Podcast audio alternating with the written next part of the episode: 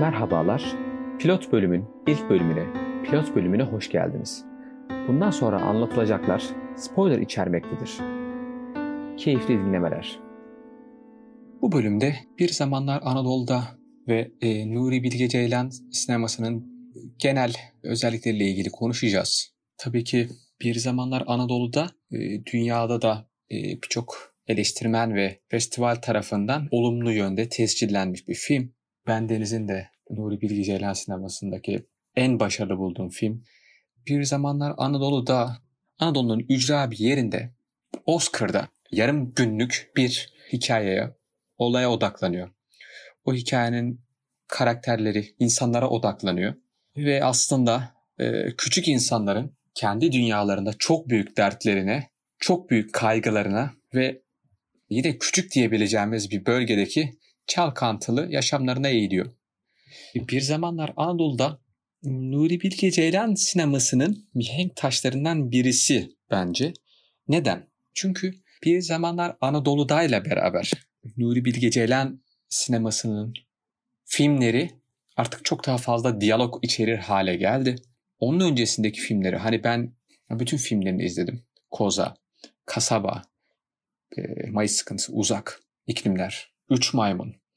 Ya hepsinde tabii ki diyalog da var. Fakat ki Koza'da diyalog da yok. Ama diyalog olanlarda da çok fazla yok. Çok uzun, durgun sahneler var. Hani internette falan çokça goy goy dönen, pencereden bakan insanlar var. Bu durum genel olarak bir zamanlar Anadolu'dayla değişiyor. Artık çok daha fazla diyalog içeren bir film ortaya çıkıyor. Bence o anlamda Nuri Bilge Ceylan sinemasını ikiye bölsek bir zamanlar Anadolu'dan önceki filmler ve sonraki filmler diyebiliriz. Çünkü bundan sonraki çıkmış filmler genel olarak bu filmdeki forma daha uygun. Daha çok diyalog içeriyor. Daha uzun süre olarak da bu böyle. Çünkü her filmde verilmek istenen mesajlar var ve bu mesajlar aslında yedirilmeye çalışılıyor senaryoya. Siz bunu alıp okuyamazsınız. Anlatılmak istenen şeyi alıp okuyamazsınız. Bunu hikayeye ve oyunculuğa yedirebilmeniz lazım. Bu kadar çok şeyi de yedirmeye çalıştığınızda süreler uzuyor. Ya özellikle Kış Uykusu'nun kaba kurgusu bittiğinde film takribi 4 saat falanmış. 4 saat çok uzun. Kese kese kese kese anca 3 saat 16 dakikaya düşmüş film. Keza bir zamanlar Anadolu'da da 2,5 saat gibi falan bir uzunluğa sahip. Bu da hani önceki filmlerini düşünürsek veyahut genel hani film yapısını düşünürsek bunlar uzunca süreler film için. Bu tip filmler birçok insanın ana akım film endüstrisinin ya da o tip filmleri izleyen insanların seveceği tipte filmler değil. Birçok insan tarafından sıkıcı bulunan, fazla ağır bulunan. Biz eğlenmek için film izliyoruz. Ben niye kendime filmden dert bulayım ya yahut film izlerken düşünmek zorunda kalayım diyen birçok insan var bu tip filmleri izleyince.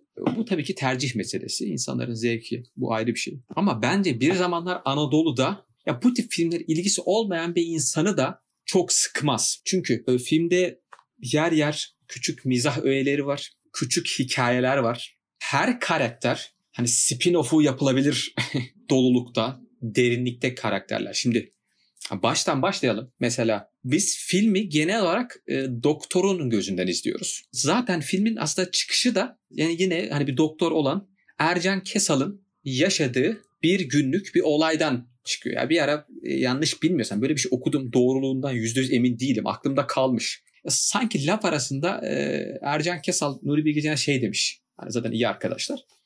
Ya biz bir gün hani böyle böyle bir olay oldu. Sabaha kadar ceset aradık. Kırıkkale Keskin'de doktor olarak görev yaparken böyle bir olay olmuş.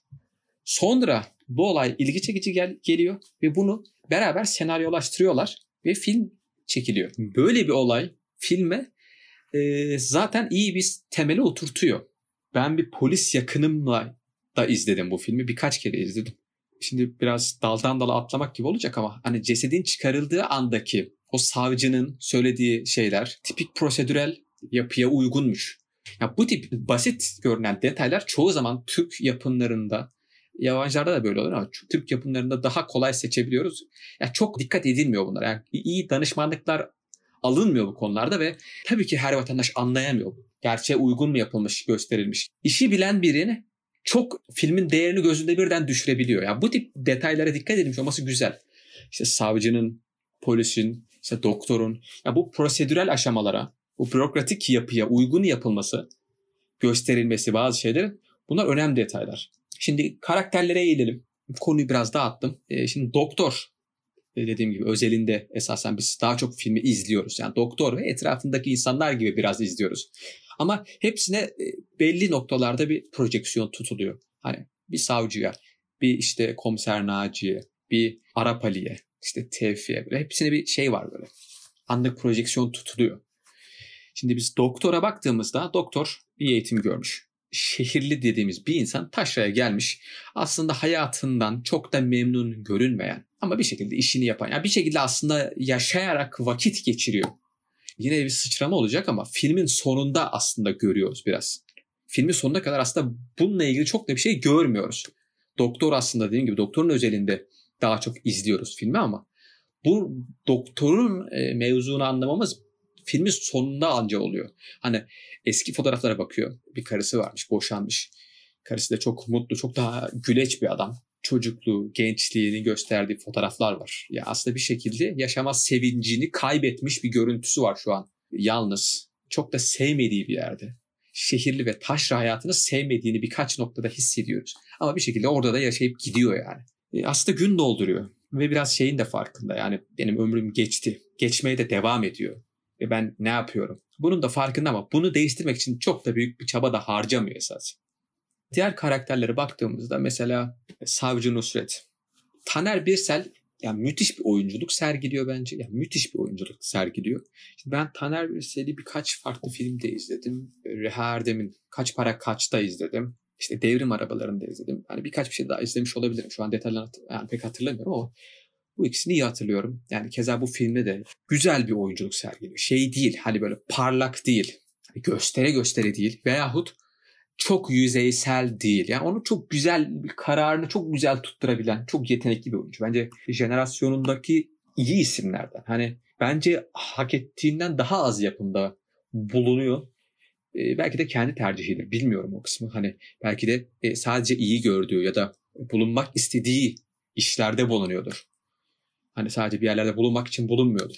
Tercihi, kendi tercihi olabilir bilmiyorum. Ama hakikaten çok iyi bir oyunculuk sergiliyor. Ee, onun da yine hikayesi aslında e, filmin sonunda çözülüyor. Yani hep küçük küçük görüyoruz. Doktorla çoğunlukla konuşuyor. Zaten doktor dışında kimseyle diyaloğu yok esasen. Yani işte birkaç kere komiser Naci ile konuşuyor. O da şey tamamen oradaki iş gereği adamı bir azarlıyor başlarda. Devamında da zanlıya hani saldırmak istediğinde falan engellemek için ortamdaki otorite olduğu için ağırlığını koymak adına konuşuyor. Onun dışında sadece içini doktora döküyor diyebiliriz. Onun da hikayesi yine filmin sonunda çözülüyor. Eşi ya hep filmin başından beri çok güzel diye bahsettiği, çok şaşırtıcı bir ölümü olduğu dediği, arkadaşının karısı diye anlattığı kadın esasen kendi karısıymış ve onu cezalandırmak için intihar etmiş. Savcı Nusret bundan kaçmış. Bundan sürekli kaçmış. Buna farklı sebepler bulmuş kendince ki zeki ve işi şüphelenmek olan adam ki kendisi söylüyor bunu. Ya benim işim şüphelenmek. Ben savcım diyor. Yani hani bunun bu kadar basit bir şeyi çözemeyecek bir adam da değil esasen ama bu konudan kaçtığı için bir şekilde bunu çözmeyen, çözemeyen değil çözmeyen bir adam. Ama doktor çok daha somut kanıtlarla ve biraz da işi deşer bir yapıyla yaklaşıyor yani. Neden oldu? Neden öldü? İşte otopsi yapılmadı mı? Ya bir insan durduk yere ölmez ya işte hani bunun tıpta bir karşılığı yok gibi böyle yarayı deşer bir e, tavırla yaklaşınca savcı en nihayetinde artık hani o bu zamana kadar kaçtığı gerçekte yüzleşiyor ve o yüzüne de şey geliyor böyle çaresiz bir gülümseme geliyor filmin sonunda. Hani şey diyor bir yerde. Ya o doktor bu kadınlar çok acımasız olabiliyorlar ya diyor. hani artık o bundan bir şekilde tamamen olmasa da bir şekilde kaçabilmişti fakat artık kaçamıyor da. Ömrünün sonuna kadar bu gerçekle yaşamak zorunda. Bunun farkına varıyor ve bunun ağırlığı onu bitiriyor. Komiser Naci Yılmaz Erdoğan. Komiser Naci karakteri de bence iyi yazılmış. Kendince büyük dertleri olan bir insan. Komiser Naci'nin engelli bir çocuğu var. Ee, hani tam olarak neyi olduğunu bilmiyoruz. Hani kendi söylediği şey hani aşırı zekadan olduğu söyleniyor falan diyor. Çocuğun neyi var bilmiyoruz. Ama yani hanımıyla bundan dolayı çocuğun durumundan mütevellit e, anlaşamadıkları noktalar var. Yani hanımı yani niye bizim başımıza geldi? Neden hani bu tip bir şey bizi Allah niye bizi seçti diyor. E, komiser Naci de ya hanım isyankar mı olacaksın? Gelmiş başımıza çekeceğiz ne yapalım gibi bir tavır var. Bu konuda hani evde sürekli bir tartışma var anladığım kadarıyla. E, ve artık bu yıllarca birikmiş. Yani bir şekilde işe gelerek bundan kaçıyor ki 20 senedir e, polis olduğunu belirtiyor ve 20 senede aslında hani meslek de şey değil hani ben evden kaçayım da yapayım mesleği de değil çok. Hani evden kaçarak gidip gördüğünüz şeyler cesetler, suçlu insanlar falan filan. Hani ama adam evde o kadar çok hani problem yaşıyor ki kaçarak buna geliyor yani. Hani ceset kovalamaya, ceset aramaya veya suçlu kovalamaya kaçıyor yani adam. Biz de onun aslında hayatında hani e, çok büyük problemler olduğunu anlıyoruz söylediği şeylerden. Şimdi Arap Ali e, Ahmet Mümtaz Taylan çok küçük hesapları var. Ya gidiyor e, tarladan kavun alıyor. Cesedin yanına kavun koyuyor. Yok misafir olarak gittiği evde hani yani yüzsüzce diyebileceğimiz bir şekilde gidiyor. Zorla e, ikram ettiriyor kendine. yani işte adliyenin şoförü Tevfik'in evine ikinci kat çıkması mevzuna hasetleniyor. Bundan rahatsızlık duyuyor. Ya bu, ya bu tip küçük hesapları var. Tam böyle şey. Tam küçük hayat problemleri. Yani böyle küçük hayat ve çok gereksiz detaylarda çok küçük menfaatler peşinde koşan bir adam. Müthiş yine müthiş oynanıyor. Şey derinliği de var. Bir yerde doktora diyor. Yani bunlar geçecek. Ne sen ne ben ne savcı kalacak bir zamanlar Anadolu'da diyeceksin. Hani böyle bir şey olmuştu diye güzelce anlatacaksın. O bugünlerde geçecek ama biz unutulacağız gideceğiz. Aslında bu yani peşine düştüğü şeylerin çok gereksiz olduğunu kendi de farkında ama bunu bundan bir şekilde kendine alamıyor. Bence Arap, Arap Ali'nin problemi kaderle, e, içinde bulunduğu yaşamla, bulunduğu ortamı beğenmiyor, yaşa, içinde bulunduğu yaşamı beğenmiyor, istemiyor bir şekilde ama e, bundan da kaçışı yok e, hatta doktora bir yerde diyor e, ben senin yerinde olsam diyor hani bir dakika durmam buralarda falan diyor. Doktora diyor ya nereye gideyim diyor. Hani git diyorsun da nereye gideyim falan diyor. Hani e, Arap Ali'nin bence problemi içinde bulunduğu yaşamla ve bu küçük menfaatlerle hani bir nevi kaderden kendince intikam alıyor veyahut bir şekilde kendini içinde bulunduğu adaletsizlikten bir nebze de olsun çıkarıyormuş gibi hissediyor olabilir. Bence bu küçük menfaatlerin peşinde koşması, bu şark kurnazı tavrının temelinde bu var.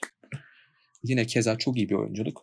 Ya film şimdi karakterleri falan konuşmaya yani çok fazla şey var. Yani Maktul'ün eşi var. Tam olarak anlayamadığımız bir durum var. Yani çocuk katilin mi hakikaten yoksa Maktul'ün mü?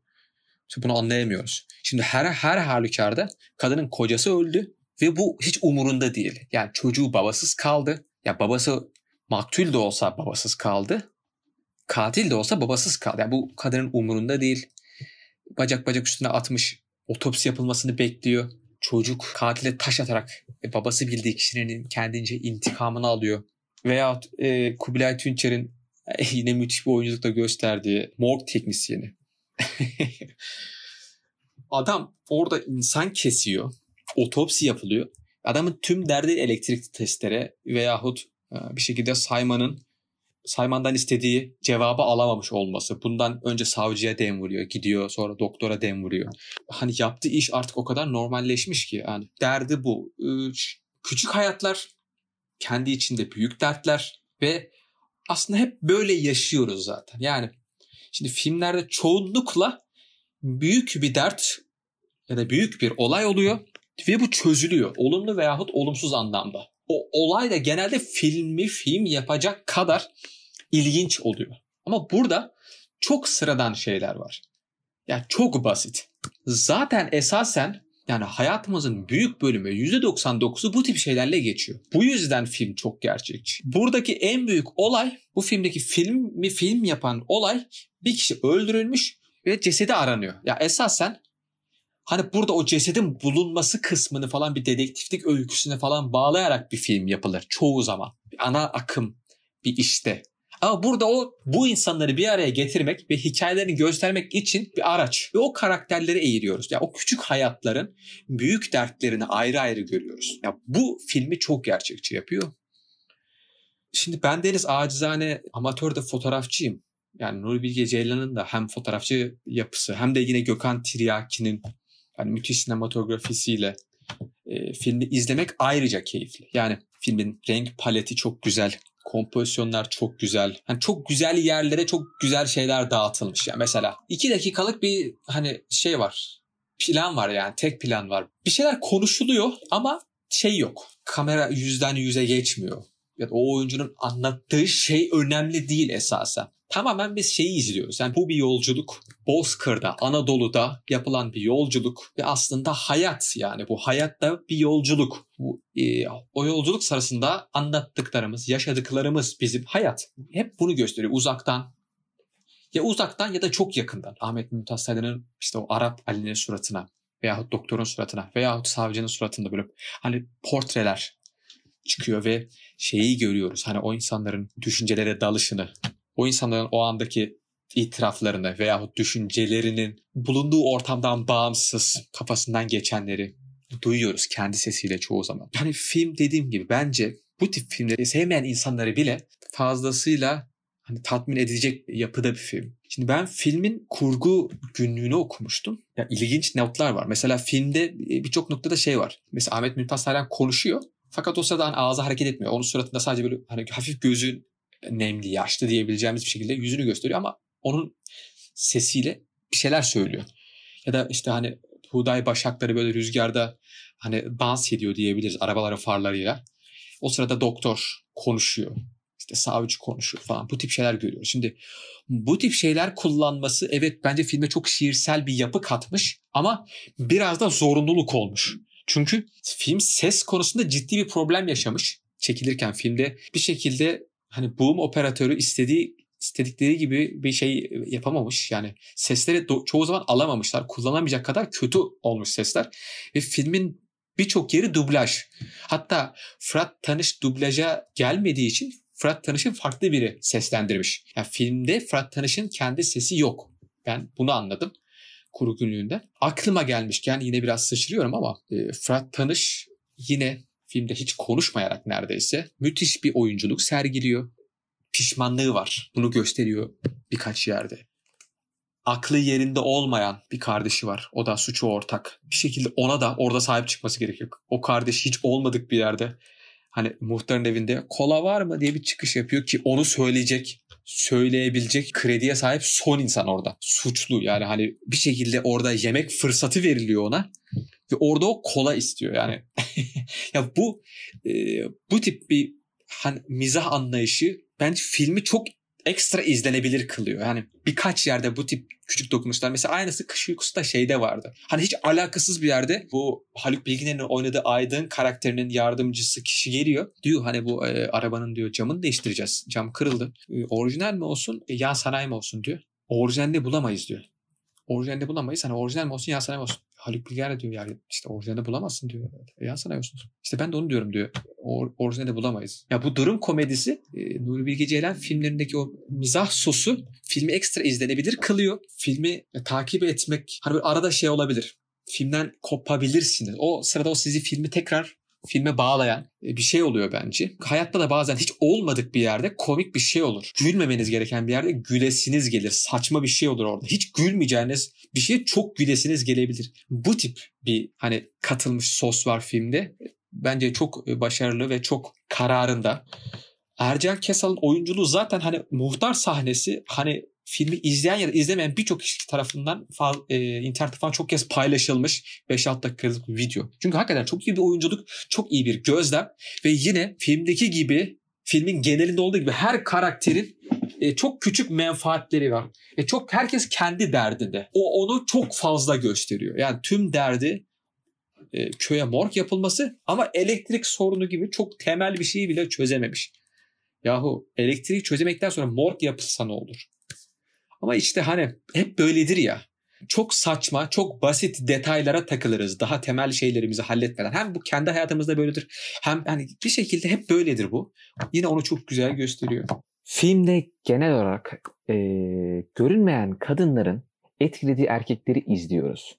Komiser Naci'nin eşi, Savcı Nusret'in intihar eden eşi, doktorun eski eşi veyahut muhtarın kızı çok az görünüyor. Maktulün eşi yine çok az görünüyor. Hep kadınların çok az görünen veyahut görünmeyen kadınların etkilediği hayatları izliyoruz filmde genel olarak.